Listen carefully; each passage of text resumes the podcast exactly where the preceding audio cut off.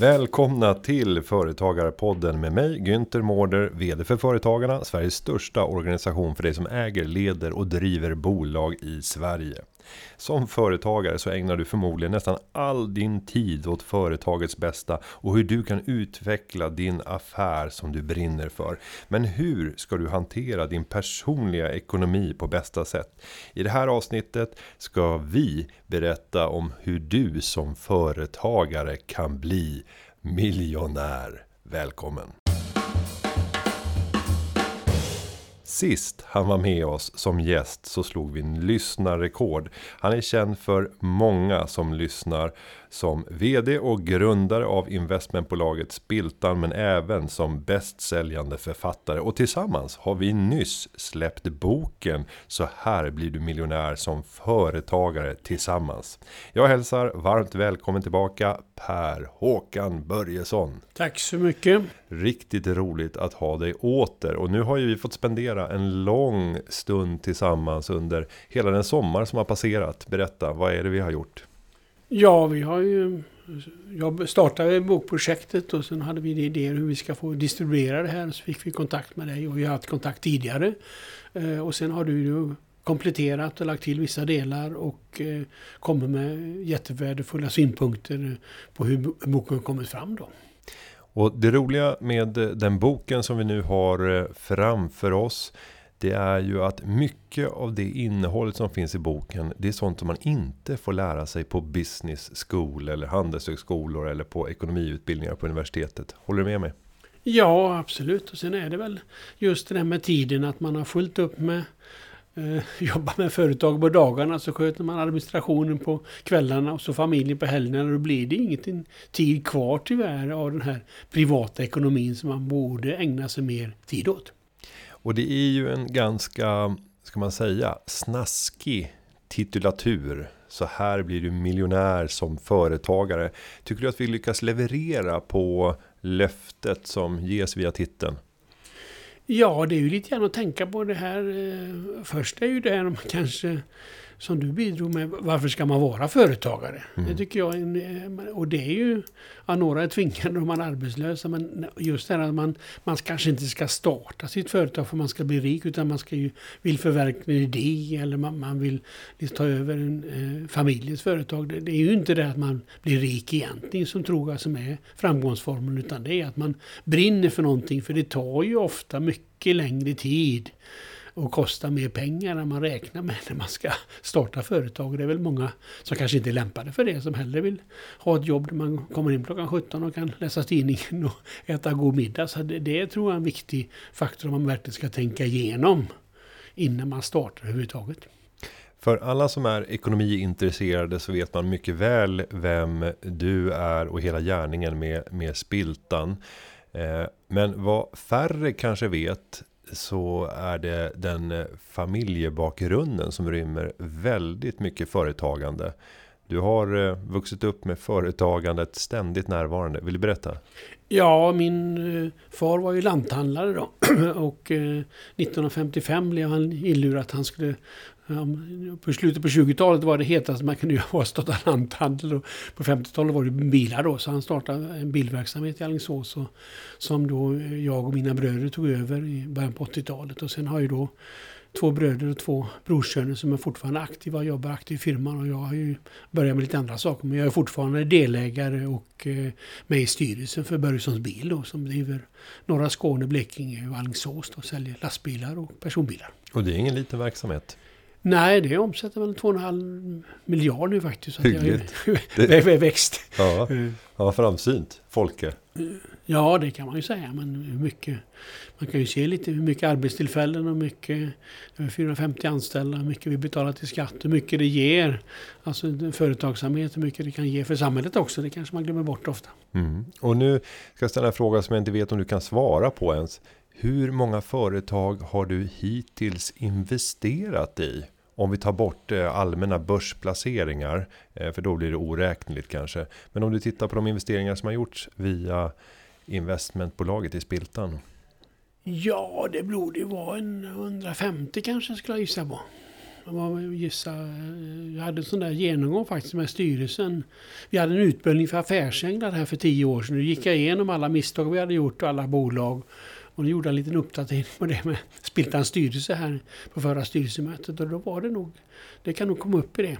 Och om vi då tar ett steg tillbaka för att en investering föregås ju av väldigt många andra potentiella investeringar där det vanligaste svaret är nej, vi kommer inte investera. Har du någon känsla för hur ration ser ut? Hur många nej går det på ett ja genom historien när Spiltan har gjort investeringar? Är det 10 nej mm. för ett ja eller? Nej, jag skulle gissa på att vi får förslag kanske vi får 300-400 per år. Va? Så det kanske vi gör en, två, kanske en procent ungefär. Som, mm. som vi verkligen investerar i. Och då är det ganska många man sållar bort. Att det är för tidigt eller för dyrt eller eh, vi tror inte på entreprenören, vi tror inte på affärsidén eller vi vill inte hålla på med den branschen för vi tycker inte det är seriöst och så vidare. Så det är massor med skäl man kan tacka nej. Men eh, sen när man börjar gräva i det så eh, ja, då är det klart att det finns ju chans att man investerar och eh, man, man brinner eller tycker att det verkar vara spännande.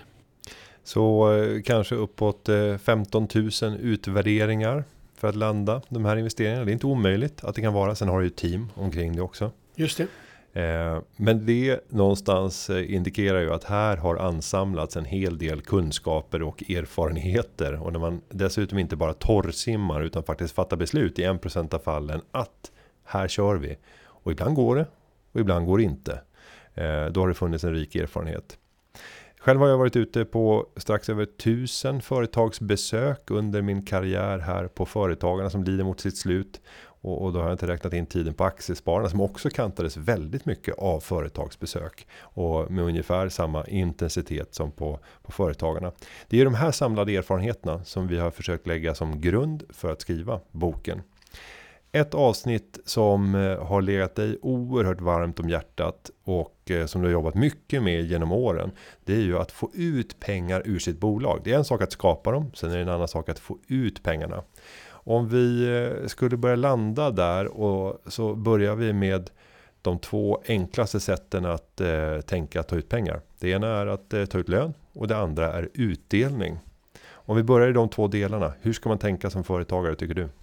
Ja, om det börjar gå bra och man kommer igång, då ska man ju ta en lön på runt 50 000. Och då får man fulla pensionspoäng och man, får, man är en god medborgare och, och det ser bra ut. Va? Sen kanske man då Eh, och då får, det, eh, får man betala arbetsgivaravgifter och eh, sedan ja, blir det kvar ungefär 50 kronor på varje hundralapp då. Det är väl det första man ska göra. Och sen då är frågan, ska man ta ut högre lön? Mm. Och då är ju, då försvinner ju 15 procent till då.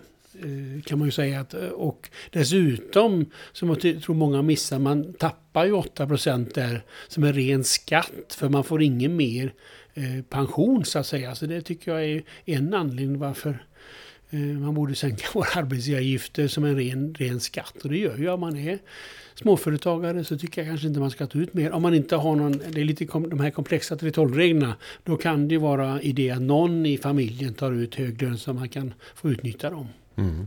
Och det där är ju ett komplext regelverk med eh, löneregeln och där du som företagare om du ska nyttja till 12 reglerna måste ta ut en högre lön än de som har eh, relativt höga löner i övrigt i organisationen. Du måste vara högst ersatt så att man inte inkomstomvandlar inkomst av tjänst till utdelning.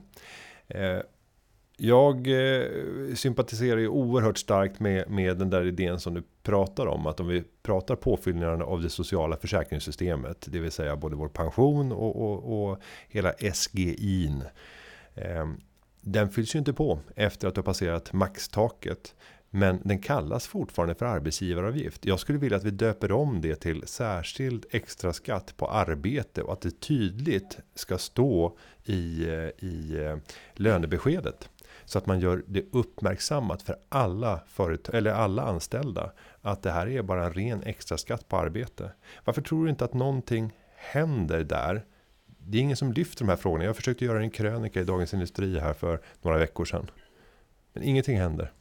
Nej, men det är ju fantastiskt hur, hur staten, det här med källskatt och arbetsgivaravgifter, eh, företagare gör ju ett jättejobb och drar in all skatt och sen märker man inte det så människor fattar ju inte att det är väl 50 procent av allt som produceras i Sverige som går i skatt. Och det, men det göms ju bort i moms och eh, man ser bara priset på varan och allting. Alltså det är ju fantastiskt hur man lurar hela svenska folket på det här skatteuttaget vi har.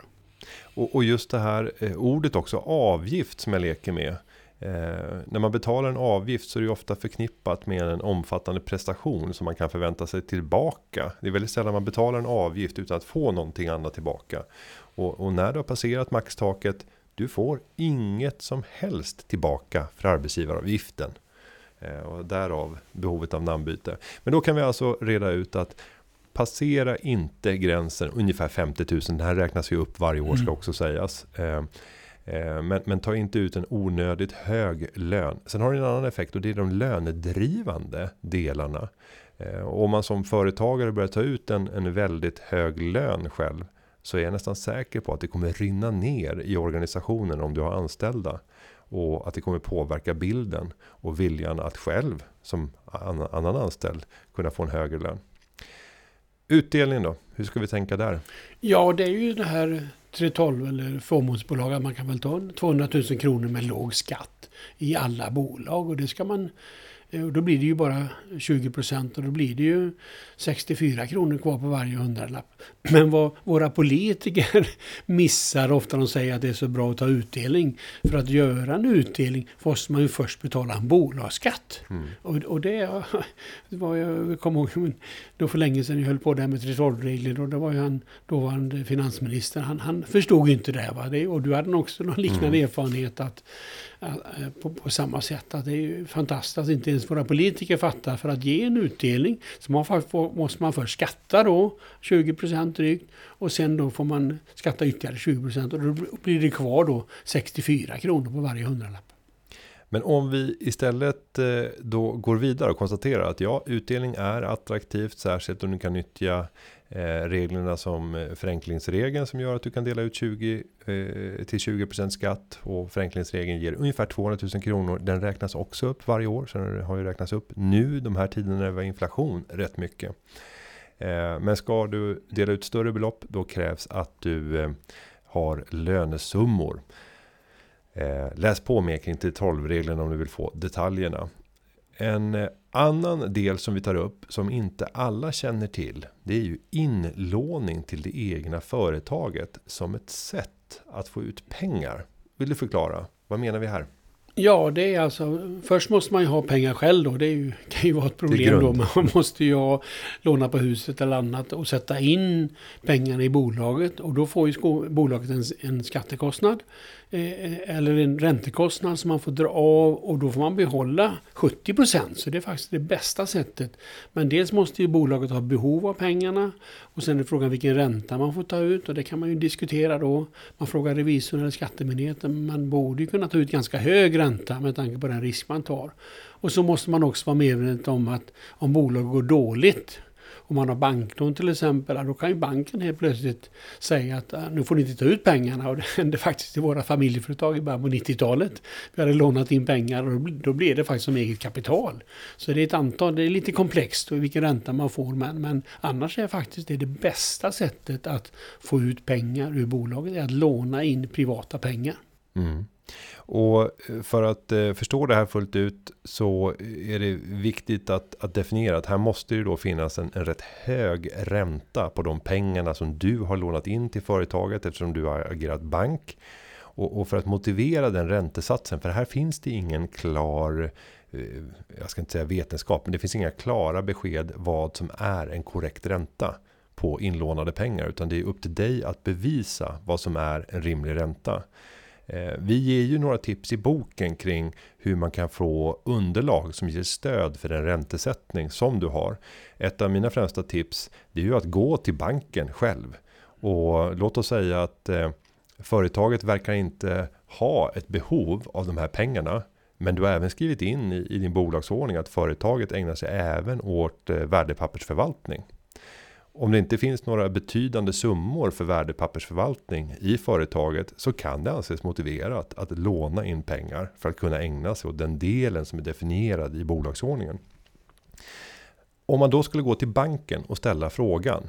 Jag har ingen betydande kassa i mitt bolag. Jag skulle vilja ta ett lån från banken på 3 miljoner. För jag vill använda det för finansiella investeringar. Jag kan idag inte säga vilka typer av finansiella investeringar. Utan jag vill egentligen bara ha en, en, eh, ett lån och jag vill ha det på obestämd tid. Och det är jag som eh, företag, eller det är företaget själv som ska bestämma när pengarna ska betalas tillbaka. Kan ni ge mig en offert på den, det lånet? ingen bank kommer ju vilja ställa upp i de flesta fall på en sån typ av lösning. Och då kanske man får göra lite eftergifter. Eh, så att man ger lite generösare villkor till banken så att de vet vilken tid det handlar om. Man kanske får göra olika typer av riskklassningar som säger att jag kommer inte investera i värdepapper som inte uppfyller vissa krav. Eller om det är fondinvesteringar så kanske man tittar på riskskalan och, och begränsar sig. Men räntan kommer bli hög, det kan vi vara överens om.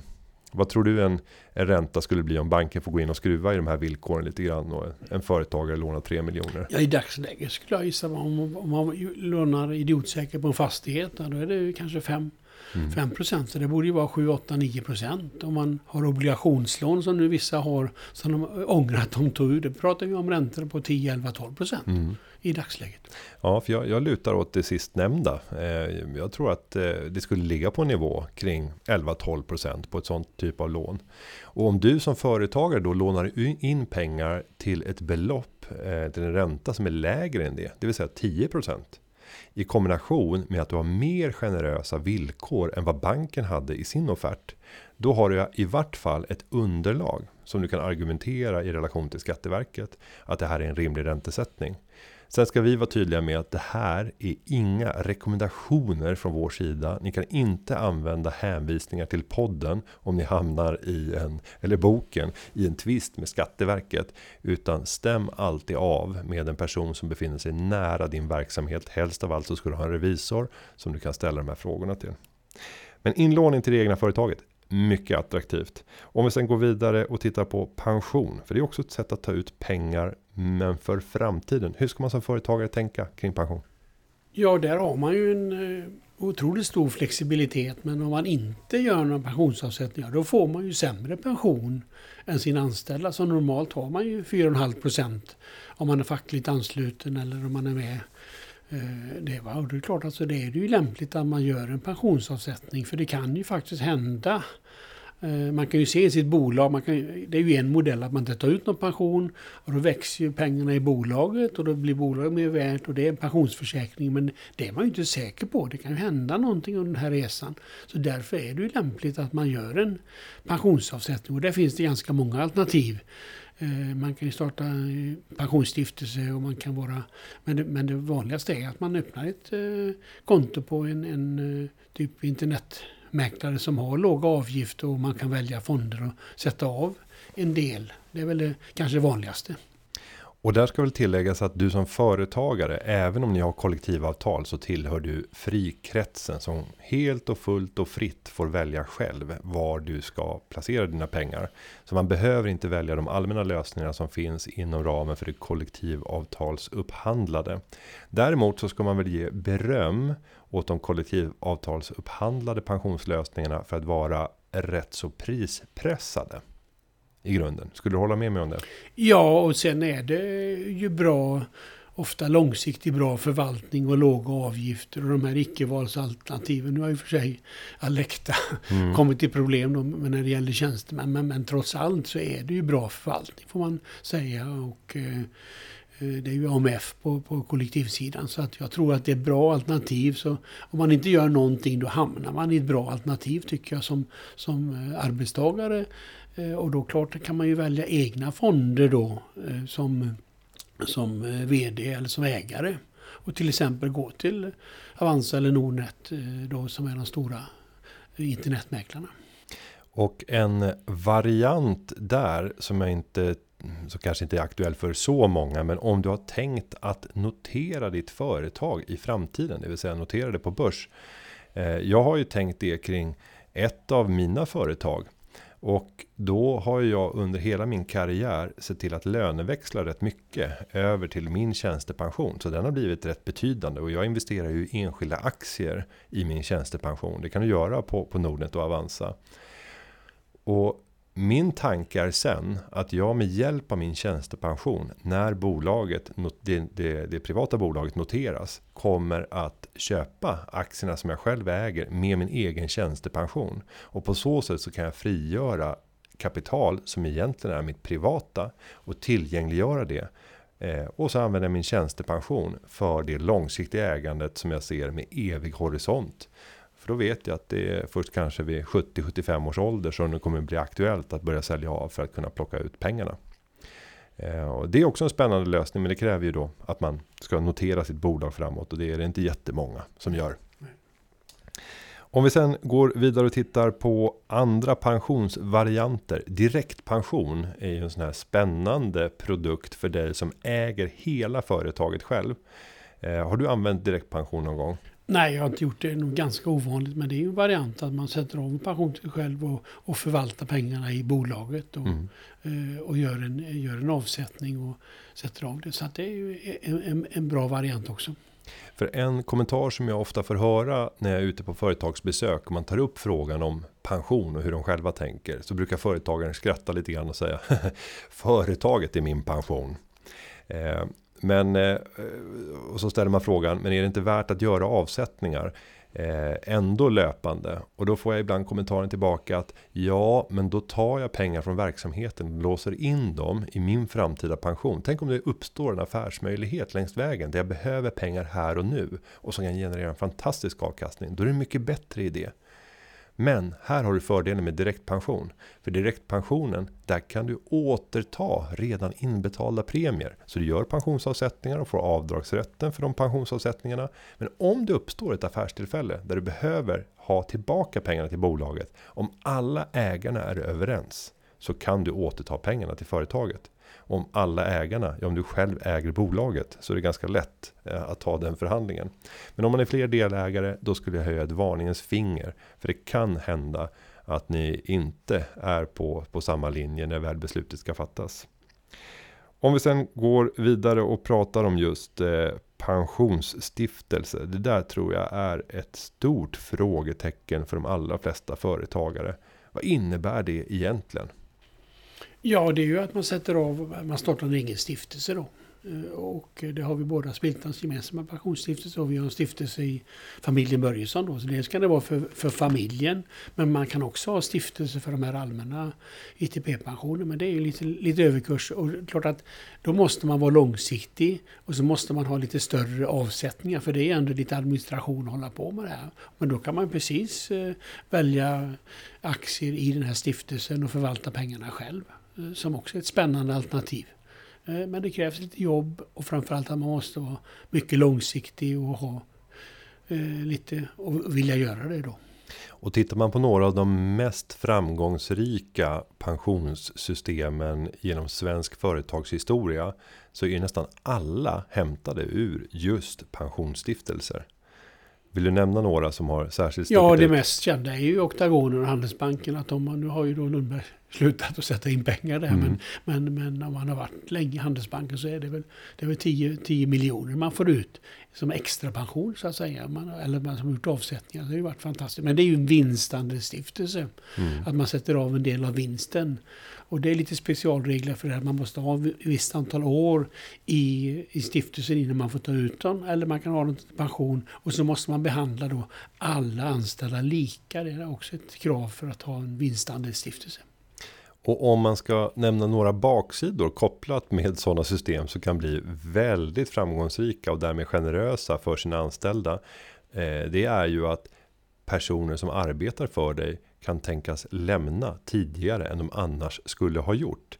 Eh, jag vet ju på aktiespararna att jag kunde anställa en hel del seniora aktieanalytiker från Handelsbanken som hade passerat 55 års ålder för det var där jag tror att det var möjligt att börja plocka ut det. Och de var redan home safe på pensionssidan.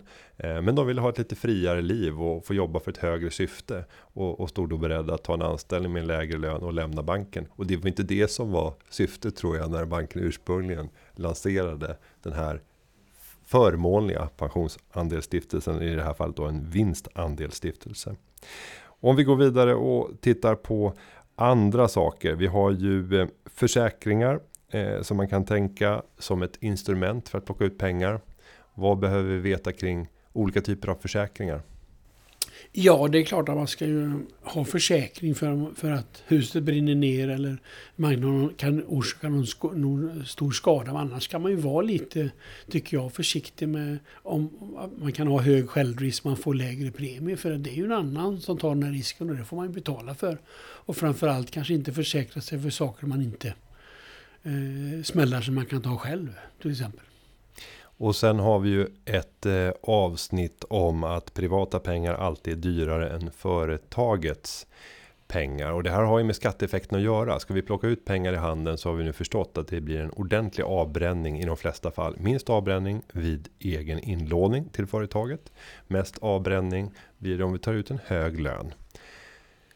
Men här har vi ju den här frågan om var gränsen går mellan privata kostnader och företagets kostnader. Och den är ju i flera fall ofta flytande när det gäller områden. Vill du utveckla, hur ska man tänka för att eh, få eh, stå på rätt sida om, om, om rättsnöret här när det gäller var man placerar kostnader? Ja, det är ju revisorn och, och, och skattemyndigheten som kan ha synpunkter där. Det är klart att de om, om vi två går och äter lunch och jag har en gammal kompis till dig, vad är det vi pratar om? Är det, är det företaget och hur jag ska utveckla spiltan? Är det eh, att vi ska spela golf nästa vecka eller inte? Va? Så det är klart att om vi pratar om företag, ja, då är det ju en, en, en, en arbetslunch som är avdragsgill. Men om vi är helt privat, då är det inte det. Va? Och det är samma med eh, video, tv-apparater och massor med saker som man kan ta ut som inte, inte är korrekt då. Eh, om, om det inte används i företaget. Och just videoapparater, jag tänker på mängden videoapparater som köps nu. Men, men, all typ av teknisk utrustning eh, kan man ju säga är en svår fråga. Hur är det med, med den, den eh, iPaden som du köper in? Du kanske kommer ägna majoriteten av uppmärksamheten på den skärmen i en privat kontext. Men vad gör du privat? Jag sitter och tänker, hur använder jag själv? Ja, men det är ju för att läsa. Eh, jag läser tidningen, jag läser webbsidor, jag läser på om bolag. Så det är ett arbetsverktyg. Men för en person som är anställd, eh, som inte får plocka ut en iPad och man köper den privat så blir det ju en betydligt mycket högre kostnad. Det är inte bara det att det kostar pengar att dela ut i form av lön eller i form av något annat sätt. Utan det är ju även avdragsgillheten som skapar ytterligare en turboeffekt. Du får dra momsen och du äter upp din vinst genom att köpa det här idéerna här är ju ofta många och snillrikheten hög hos företagare kring definitionen. Men eh, jag undrar om vi inte skrev i boken att ett, ett bra tips är att använda den här löpsedelsmetoden.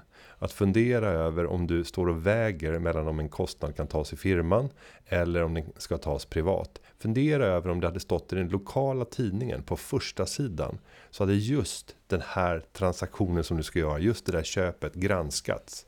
Hade du kunnat stå på första sidan och klart och tydligt motivera att det här är ett, ett, ett en utgift som är relaterad till företaget. Vad tycker du om den metoden? Är den rimlig?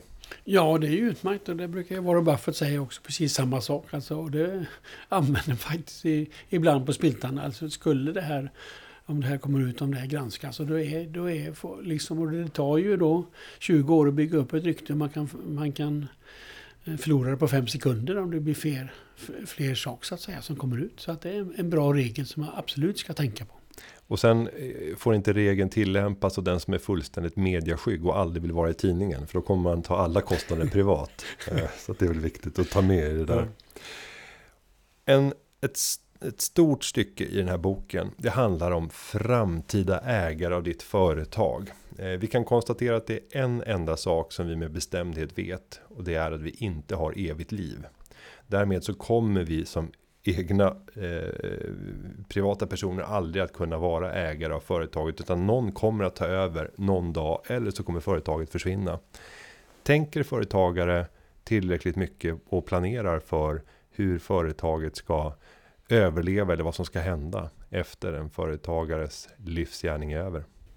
Nej, men det är väl samma sak som, där som privatekonomi. Man jobbar och sliter och sköter bokföring och umgås med familjen och, och sen skjuter man på det här då. Man tror att man är, har evigt liv så att säga. Men det är ju en jätteviktig faktor som man ska fundera för det tar ju lång tid den här processen eh, om man ska sälja bolaget och där tar vi upp ett antal olika alternativ. Eh, om man ska ha familjen ta över, vad händer om man säljer till en industriell aktör? Eh, vad händer om man säljer till en riskkapitalist? Eh, kan man sälja en minoritetspost som då vi håller på med i Splittan Invest? Eh, ska man sälja till personalen? Det finns ett mängd olika alternativ. Och det tar lång tid och man måste gå igenom det. Så här är det ju inget, finns det ju inget rätt och fel utan här ger vi ett antal exempel på vad, vad har hänt. Vad händer när man börsnoterar Gant? Eh, Eh, vad hände när man sålde Tumba, när staten sålde Tumba bruk?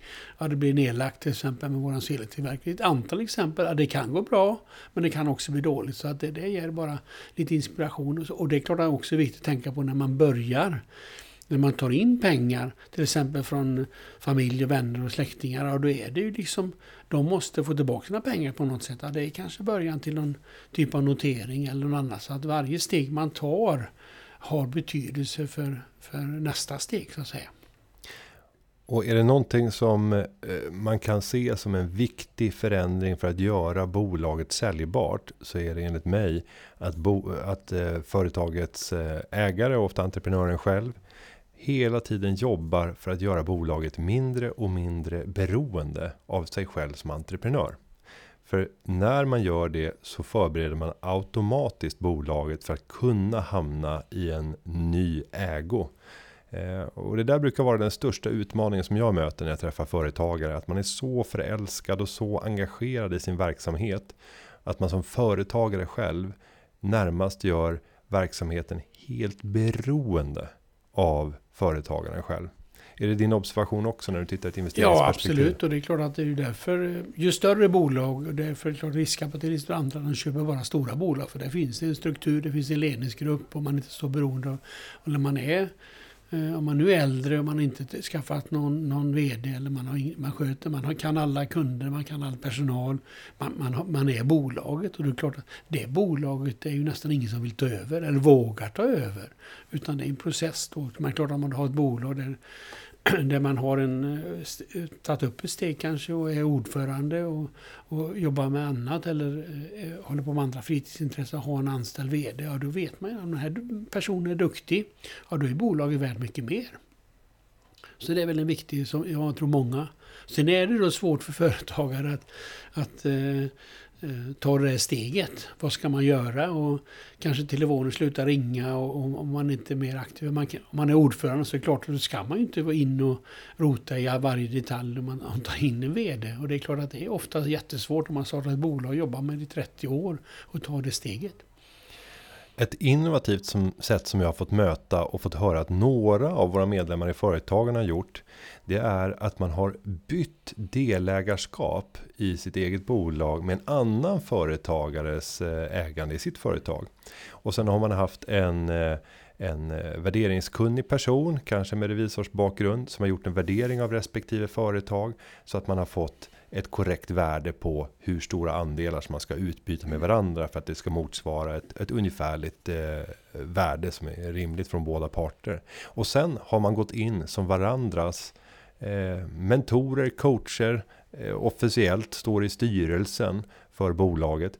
Och bara den förändringen skulle jag säga att företaget når en ny nivå. För helt plötsligt så har en annan person som kanske till till äger 10% av aktierna och har ett stort intresse av att du ska lyckas. Är företagare kanske inom ett helt annat fält. Men kommer att vilja engagera sig. Och på motsvarande sätt så är du lika engagerad i den personens verksamhet. Och bara det kommer göra att ni kommer få bättre förutsättningar att lyckas. Vad tänker du kring en sån sak? Ja, det gäller väl bara att komma överens om värderingen där. Ja, hitta rätt person ja, till att börja med. Och, och, och just det här med liksom eh, alla bolag har ju olika förutsättningar. Mitt snabbväxande bolag som ska förändra världen och min stabila rörmokerifirma, det liksom det är olika. Mm. Så det, det gäller komma överens. Jag har inte hört faktiskt på den, den möjligheten. Men det är ju en, en eh, Eh, men det är ju en möjlighet att man, om man säljer sitt bolag eller man, att man börjar investera själv och, och engagera sig åt det. Men det är klart att det, då är, tar man ju risker och då ska man vara ganska försiktig med att göra stora placeringar tror jag. Utan man ska liksom ha en liten del, saminvestera med andra och, och vara eh, ta, ta små andelar i bolag eller ha någon som verkligen sköter de olika bolagen. Och sen om vi börjar tänka kring frågan vad bolaget är värt. Entreprenören har ju en uppfattning kring vad värdet på bolaget är om du säger att från Spiltans sida när ni gör investeringar så blir det 100 nej på ett ja. Då indikerar det någonstans att eh, i de flesta fall så verkar entreprenören ha en uppfattning om att värdet på bolaget är, är högre än det pris ni står beredda att betala. Eh, vad gör att det är så stora skillnader i uppfattning kring värdering och vad ett bolag är värt mellan en potentiell köpare och entreprenören själv? Ja, det finns ju inget rätt och fel här. Utan det är, jag brukar säga att det är som en tavla. Då.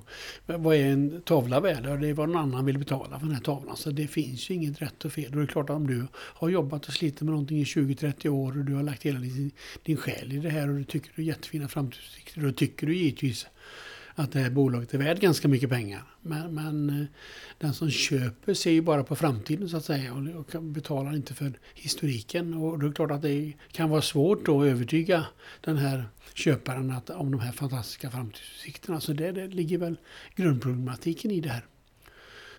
Och jag kan eh, avslöja min strategi när jag köper tavlor. Eh, och den är väldigt defensiv. Jag köper oftast, oftast tavlor hos Kronofogden.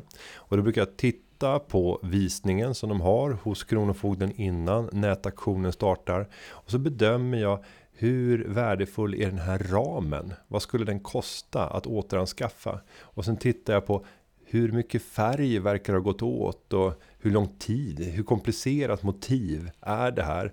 Och sen så har jag landat i någonstans av, av en baklängeskalkyl kring så här, men vad borde det här, vad borde det kosta? Sen backar jag tillbaka och ställer mig frågan, tycker jag att den är fin?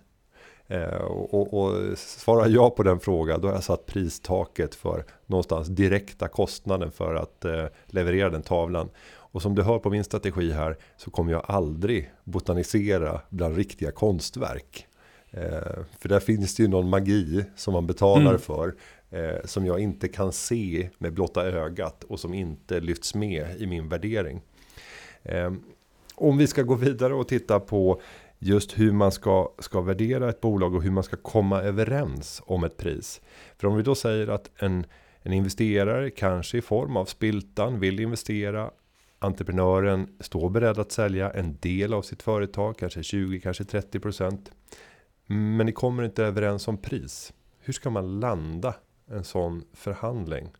Vad är dina vanligaste tips och tricks för att ro ja, i hamn? Eh, vårat problem i och med att vi köper minoritetsposter är att vi tycker att den rabatt, alltså de flesta som håller på med det här, alltså industriella köpare och finansiella köpare, de vill köpa hela bolag eller 80-90 procent. Då har de kontroll på bolaget, de kan gå till banken och låna på den här investeringen. Som minoritetsinvesterare det är tre delar, en vill sälja, en kanske vill sälja, en vill vara kvar. Då tycker vi att det ska vara rabatt på det pris man skulle fått vid en, till, till en annan aktör. Och det är ofta svårt för den som vill sälja. Han vill inte sälja till rabatt. Utan mm. han ska ha, och då blir det ofta kanske oense i ägarkretsen och att man lämnar ut hela bolaget till försäljning. Och då klart den här, då, då drabbar ju den här han som vill vara kvar och jobba kvar som vd. Då kanske han tappar jobbet för om det kommer in någon ny Ja, då, sparkar de kanske när vi är då, eller slår ihop till något annat eller lägger ner fabriken på den här, den här orten. Va? Så att det, det, är ju,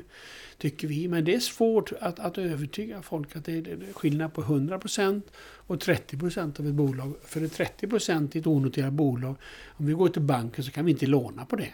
Vi kan låna på våra börsaktier men vi kan inte låna på den här minoritetsposten. Mm. Så det gör ju att det är olika prislappar och alla bolag har ju olika förutsättningar och tillväxt. Och Eh, så vi går igenom ett antal värderingar här. Oftast är det ju en multipel på vinsten som man pratar om. Det kan ju vara två, tre om en, en gammal vd som inte har någon, eh, vill sluta. Det är jättebilligt. Och sen är det fem, sex, sju kanske om, om det, vi pratar om stabila lönsamma bolag som inte har sån jättetillväxt. Och sen kan man betala 15, 20 eller börsen kan ju betala 30, 40 40-50 gånger vinsten eh, för ett bolag som har stora tillväxtmöjligheter. Så det är helt, eh, det är ju en liten trappa där som vi går igenom också. Mm. Och sen har man också då ofta en sån här substans. Det är ju en alternativ att se vad finns det för substans i bolaget. Om man till exempel ett fastighetsbolag, då tittar man ju på det. Och för att räkna ut ett substansvärde så är det viktigt att titta på vad är marknadsvärdet, inte det bokförda värdet av de tillgångar som finns upptagna. Och en bra tanke för att kunna få fram det, det är ju om man på ett ordnat sätt skulle avveckla hela verksamheten och ta ut alla pengar som har skapats. Vad skulle kunna finnas kvar då? Eh, det är ju en helt annan sak om man gör en forcerad likvidationsvärdering. För där blir det ju fire sale på allting och då kommer du inte få ut det korrekta värdet eftersom du forcerar försäljningen.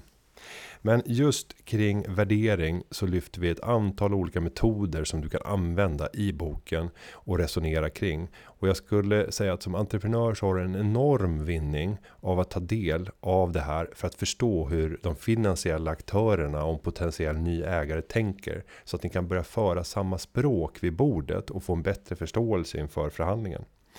Sen har vi ett stort avsnitt om vem är nästa ägare i bolaget.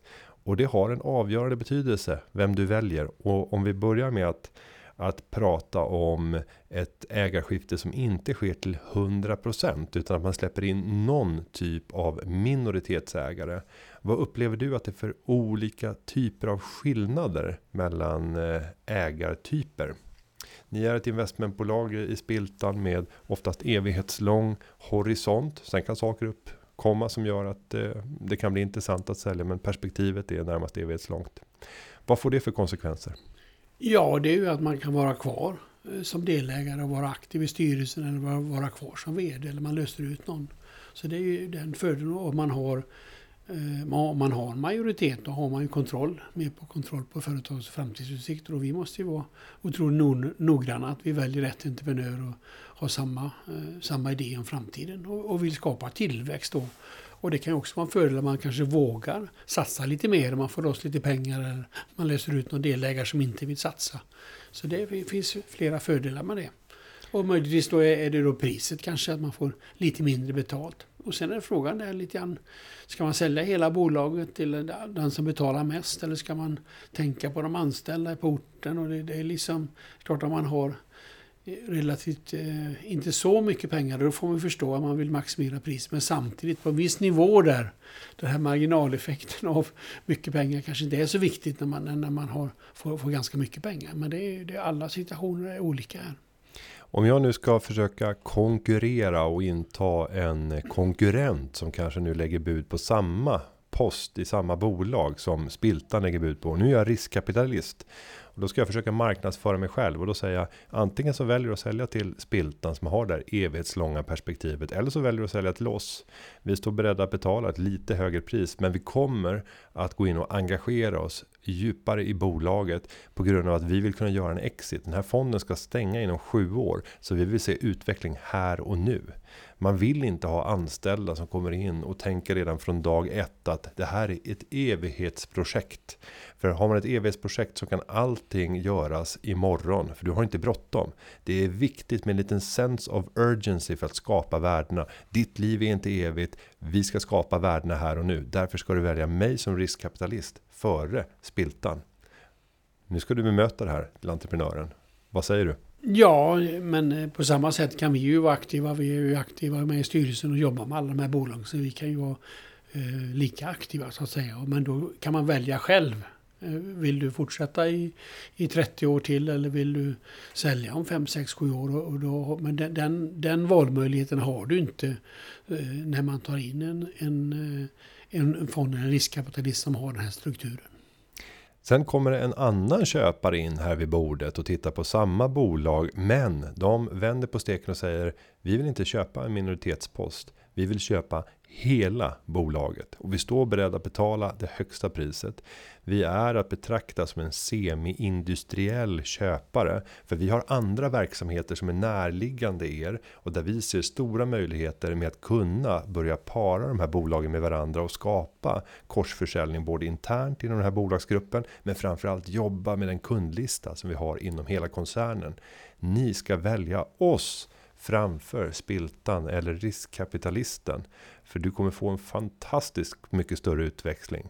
Du får också dessutom delägande i det här samlade bolaget. Så du får vara med på den fortsatta resan. Men du får massor med andra kollegor som kommer kunna hjälpa dig mot framgång. Sälj inte till spiltan eller till riskkapitalisten.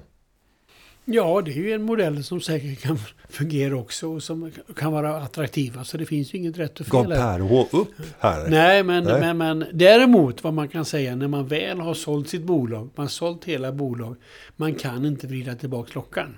Utan då är, då är man eh, borta från bolaget och, eh, och då har man ingen möjlighet att påverka. Och, man, och, det kan ju hända att man... Vi har några exempel där man lagt ner eh, bolag då. Jag kommer från Alingsås, Karamellpojkarna var ett sånt bolag som tillverkar godis i Alingsås. Det såldes till då till här eh, Läkerol eller Leaf och sen eh, var det en ny ägare till Leaf och la ner både Alingsås och Läkerol-tillverkningen i, i Gävle. Va? Så det är klart att det är lite, lite tråkigt då om man är kvar och går omkring där på torget i Alingsås. Så finns det inga finns Kreuterlängder som tillverkas eller de har lagt ner det överhuvudtaget. Så det är ju en, en aspekt men samtidigt finns det ju exempel på, eh, jag hade väl med eh, Hörnell till exempel i Falun, som, eller i, i Dalarna som, som 3M köpte. Och som då kanske utvecklar, nu har de i och för sig flyttat del av verksamheten, men det, det bolaget lever kvar och kan utnyttja 3Ms nät över hela världen. Så att det kan gå både, både och så att säga. Och om vi ska ta upp ytterligare en aspekt kopplat till den här industriköparen som gör en vad man brukar säga i finansspråk en roll-up. Man förvärvar andra bolag i närliggande delar för att skapa en större koncern. Du får betalt i aktier och du tyckte att du fick ett väldigt bra pris. Men om du har fått ett väldigt bra pris på ditt bolag så kan man nästan utgå ifrån att de kommer dessutom betala ganska dyrt för de kommande bolagen som de kommer förvärva. Eh, och ju fler bolag man förvärvar till höga multiplar så är ju risken rätt hög att om man kommer in i ett läge, kanske då om man har finansierat en del också med, med eh, skuld, att man befinner sig i en rätt kärv situation. Vi har ju ett sånt bolag på börsen som är ett tydligt exempel i Storskogen som har en hel del utmaningar när ränteläget nu är ett annat. Eh, hur ska man tänka kopplat till eh, en sån typ av, av köpare att man tappar kontrollen över den valuta som man har fått ersättningen i, det vill säga aktier i den nya koncernen. Ja, det, det är ju samma sak där. Det kan gå upp, men det kan också gå ner. Och det är klart att det kan kanske vara en bra strategi att och, och ta hälften i kontanter och hälften i, i aktier så att säga. För då får man ändå en, en viss säkerhet och kan eh, ta hem de pengarna. Sen har vi en variant på att sälja delar eller hela av bolaget och det är när anställda får ta över eller en MBO, en management buyout där nya chefskrafter får möjligheten att köpa ut. För och nackdelar med att välja en sån väg framåt? Ja, då, då kan ju bolaget leva vidare förhoppningsvis som det alltid har gjort. Och det finns, de människorna finns på orten och lever vidare. Utan problemet är möjligtvis då att Eh, Eh, de här anställda inte har så mycket pengar att köpa bolag för. Och då kanske man får ställa upp med någon typ av säljarfinansiering. Och en del kan man säkert kanske gå och låna i banken. Men det är nog svårt att få ut det här priset helt och hållet själv som, som ägare. Men annars tycker jag det är en attraktiv modell. Och man kan ju även ta in någon minoritetsinvesterare tillsammans med, med, med, med ledningen då. Vidare så resonerar vi i boken också hur man ska agera när man har sålt sitt bolag. För det är psykiskt ganska jobbigt. Eh, det här är ju ofta som ett eh, att betrakta nästan som ett barn. Man har förlöst det här eh, barnet i form av företaget som man har grundat. Man har levt med det kanske längre tid än vad man har gjort med, med sitt barn. Totalt sett i tid som man har spenderat. Och sen så ska man göra sig av med det. Och det är inte att det flyttar ut utan det är någon annan som tar över ägarskapet och makten över det. Kan man se det som att ditt barn träffar en ny respektive som är väldigt dominant. Jag vet inte om liknelsen är, är rimlig. Vad finns det för tips som du brukar ge till eh, företagare som har sålt sitt bolag? Nej, men det, så är det ju. Och då är det klart att det gäller ju att ha eh, lite andra intressen. Och jag nämnde ju tidigare det här med börja investera själv? Och, eller har man något jättestort fritidsintresse? Eller man kan börja med välgörenhet. Eller man kan, det finns ju många, många saker man kan eh, jobba med så att säga. Men det gäller nog att ha något som är meningsfullt. Sen kan det vara att spela golf och det kan vara investera i andra bolag. Men det ska man ju vara lite försiktig med kanske för att man ofta är man för aktiv då. Eller man ringer till börs, börsmäklare som vill köpa och sälja. Man har för mycket transaktioner. Eh, är, är ju en, ett så. Och vi tar ju även upp det här med trädarbolag, att man, man kan faktiskt sköta det själv. Ofta är det att man ska lämna iväg det till förvaltning, men det är ju en, en modell där man kan, kan faktiskt sköta de här trädarbolagen själv, om man inte har för mycket transaktioner. Det är våra modeller man ska köpa, behålla, vara långsiktig. Och sen, ja, då kan man också argumentera igen för den här med minoritetspost, att man kan behålla en minoritetspost och vara aktiv i styrelsen och, och, och inte sälja hela bolaget. Men även här är ju alla, alla är vi olika och alla har vi olika intressen och, och möjligheter. Och nu vet jag att din eh, stora förebild på investeringshimlen det är Berkshire Hathaway. Och där är det ju inte konstigt att jobba även efter att man har passerat hundra. Men hur tänker du själv kring ditt eget engagemang och, och när det gäller spiltan och framtiden? Hur duktig har du varit på att planera för framtiden? Ungefär som vi resonerar här i boken att andra entreprenörer borde göra. Ja, jag är ju sån här jobbonär då, så att jag jobbar och är pensionär samtidigt. Och, och jag har inga planer på att sluta, med det. jag tycker det är jättekul. Och, och sen får man vara ödmjuk, man vet ju aldrig vad man drabbas av. Och, och, och det är ju viktigt då på Spiltan, vi har fyra investment managers, vi har en styrelse som är med många bolag. Så att nuvarande portfölj faller ju inte samman. Jag är med i två, jag är ledamot i två bolag som vi är delägare i. Så att det är väl så jag ser på det. Så att det kommer att fungera även, även när jag får en tegelsten i huvudet. Men det är klart att eh, min förhoppning är att jag ska fortsätta vara med och, och kanske framförallt påverka nya investeringar då, i och med att vi har möten varje torsdag och där vi diskuterar det. Klart, alltså att det är, hur jag tänker. Eh, mm. Avslutningsvis i boken så får ni också ta del av en önskelista från oss till Sveriges alla politiker för att stimulera företagande, jobbskap, jobbskapande och att se till att Sverige blir mer konkurrenskraftigt så att företag kan göra ännu högre vinster. För vinster har den fantastiska egenskapen att de kan beskattas och sen ligga till grund för vårt gemensamma välfärdsbygge. Om man vill köpa den här boken, och det tror jag alla som har lyssnat så här långt vill göra. Då kan man gå in på Sparklubben. Eller hur? Just det, det är, det är en, eh, då kan man få den signerad också. Jajamän. Och eh, man kan också gå i den vanliga bokhandeln om man inte eh, vill ha signaturen. Och det vill ju ingen, alltså alla vill ju ha signaturen så man går till Sparklubben. Och sen tror jag även att via Sterner förlag kan man köpa den direkt på sajten där också. Det, går också. Ja, så det finns många vägar. Eh, jag och Per H kommer i olika konstellationer, både enskilt och säkert vid några tillfällen tillsammans vara ute och föreläsa under kommande tid och kommande år. Eh, så håll utkik och följ oss på både X det vill säga Twitter. Eh, jag kommer också lägga ut på LinkedIn i de lägen där föreläsningar finns att tillgå. Och ofta så är det någon arrangör som, som står för hela arrangemanget och, och ofta så finns det fria platser som man kan få antingen via Företagarna eller Aktiespararna eller någon annan av arrangörerna som, som är värdar för, för våra föreläsningar. Med det Perro så vill jag säga ett stort tack för gott samarbete först när det kommer till boken och ytterligare ett tack för att du tog dig tid att eh, spela in Företagarpodden. Tack detsamma och eh, får säga detsamma, absolut. Vi har jättebra samarbete och det har varit ett riktigt kul projekt här. Och vi hoppas kunna göra många roliga saker framöver tillsammans. Vi säger stort tack för den här veckan och eh, underlaget för dagens podd är förberett av David Hagen och klippningen är gjord av Petra Cho. Vi hörs igen. Ha det så gott. Hej då! Hej då!